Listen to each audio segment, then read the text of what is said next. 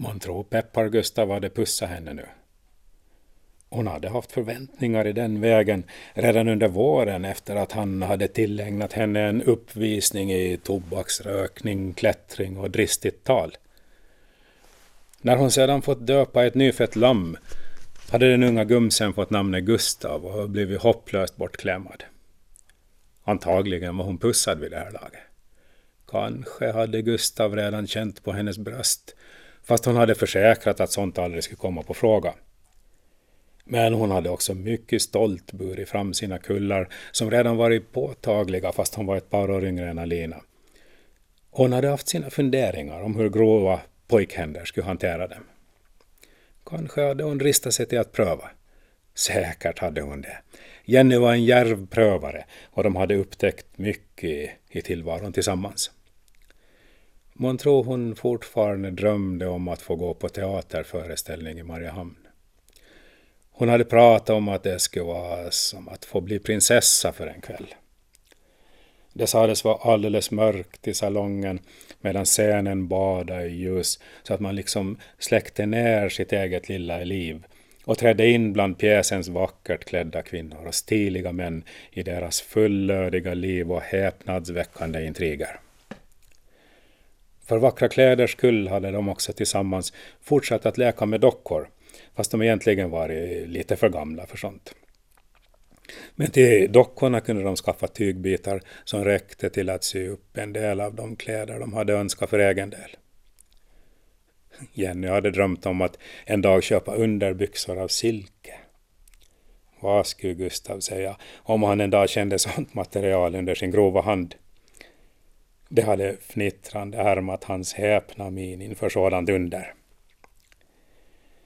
När Alina stakade ut över de öppna fälten mot Jennys gård hade hon överbryggat tiden som förflutit och var tillbaka i deras samvaro som den hade varit fram till förra våren.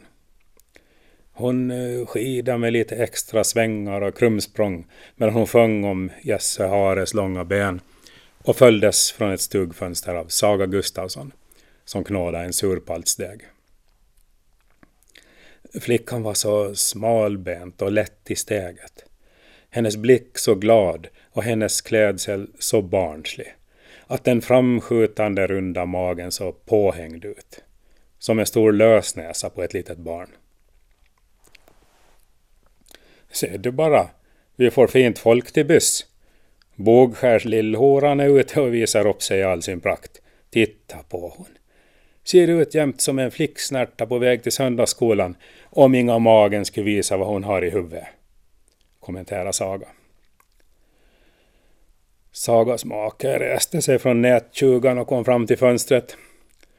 Att inga morsan hennes tycks ha någon skam alls i kroppen. Låter flickan ränna runt och, och visa upp sig på det här viset. Om hon inga är karl till skicka bort jäntan skulle hon väl åtminstone kunna hålla inne hemma på ön och inga låt hon dra ikring och skämma ut hela bygden. Det ser minsann ut som hon eh, tänker ta sig över till Norrängs, eller va?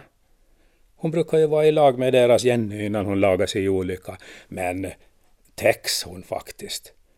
Skicka nära viligt folk på det viset? Norrängarna har ju siktat på att gifta bort jäntan med, med självaste Jussins äldsta. Men inga lär väl Jussin vill ha en svärdotter som umgås med horpack. Nå, inga ska väl de vara så dåråt nog räknaga. Just Polle brukar väl inga heller alltid vara Guds bästa barn. Ja, man vet inga. Jag ringer i alla fall över till Lydia och berättar att Ludre är på väg. Så vet hon väl att ställa på bästa sätt sen. Sista biten mot Norrängs gick i uppförsbacke, lös snö och med forcerande av några gärdsgårdar, där Alinas mage försvårade klättringen. Så det tog en stund innan hon förväntansfullt stampade av sig snön och klev upp för trappan. Hon hade lekt i gården sedan barnsben och var inte van att knacka innan hon klev in. Men eh, den här gången fann hon dörren låst, så hon bankade på den medan hon kände en spirande oro för att väninnan skulle vara bortfaren, nu när de äntligen skulle få återses. Så fick det inte vara. De hade ju så mycket att ta igen. Hon bankade mera. Knappast kunde huset vara helt tomt. Här fanns ju åtminstone pigor och det kunde inte vara så långt kvar till middagsmaten. Det rykte ur skorstenen och en doft av god mat trängde ut i farsten. Kanske slaktgryn eller lungmos. Det brukar vara som julkalas att äta på det präktiga Norrängs där tant Lydia och pigorna hade tillgång till feta läckerbitar som sällan nådde utförstorpen. Och där brukar farbror Valfrid sitta och smaska i sig och skämta och raljera med kvinnfolken så att man inte visste om man skulle skratta eller rodna. Men mest saknade hon Jenny. Efter maten när det kurra varmt i magen brukade de dra sig tillbaka och prata sånt som varken gamlarna eller småbarnen kunde begripa. Jenny fick inte vara borta nu när de äntligen skulle träffas igen.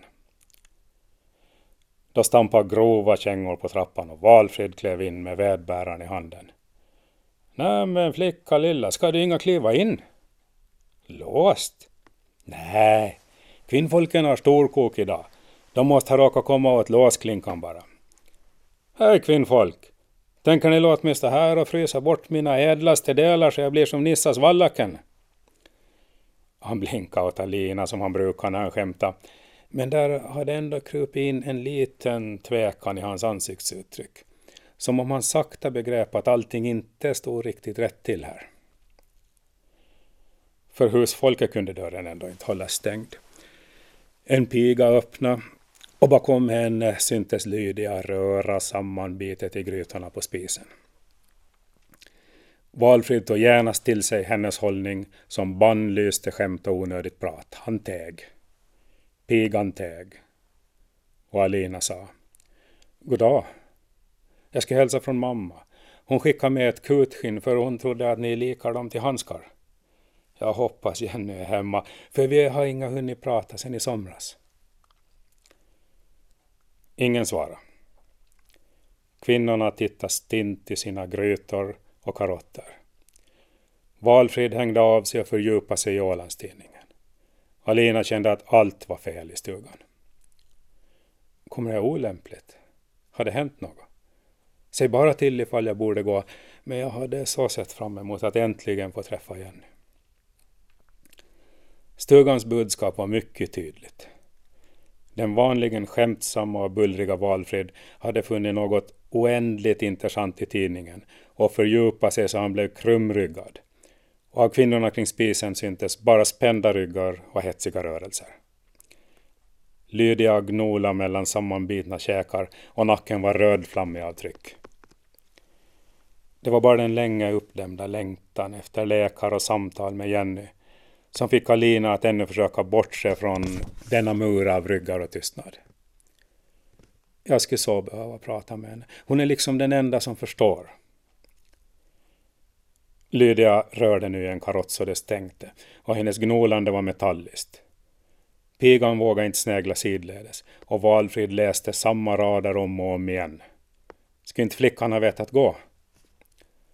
Snälla ni, vädjade Alina. Och då höll inte Lydia längre för trycket. Hon är inga hemma. Senast nu borde Alina ha förstått att säga tack och adjö. Men hon stod ändå kvar. Hon hade haft en så lång ensamhet och vägen tillbaka över isen till Bogfär syntes plötsligt oändligt ödslig.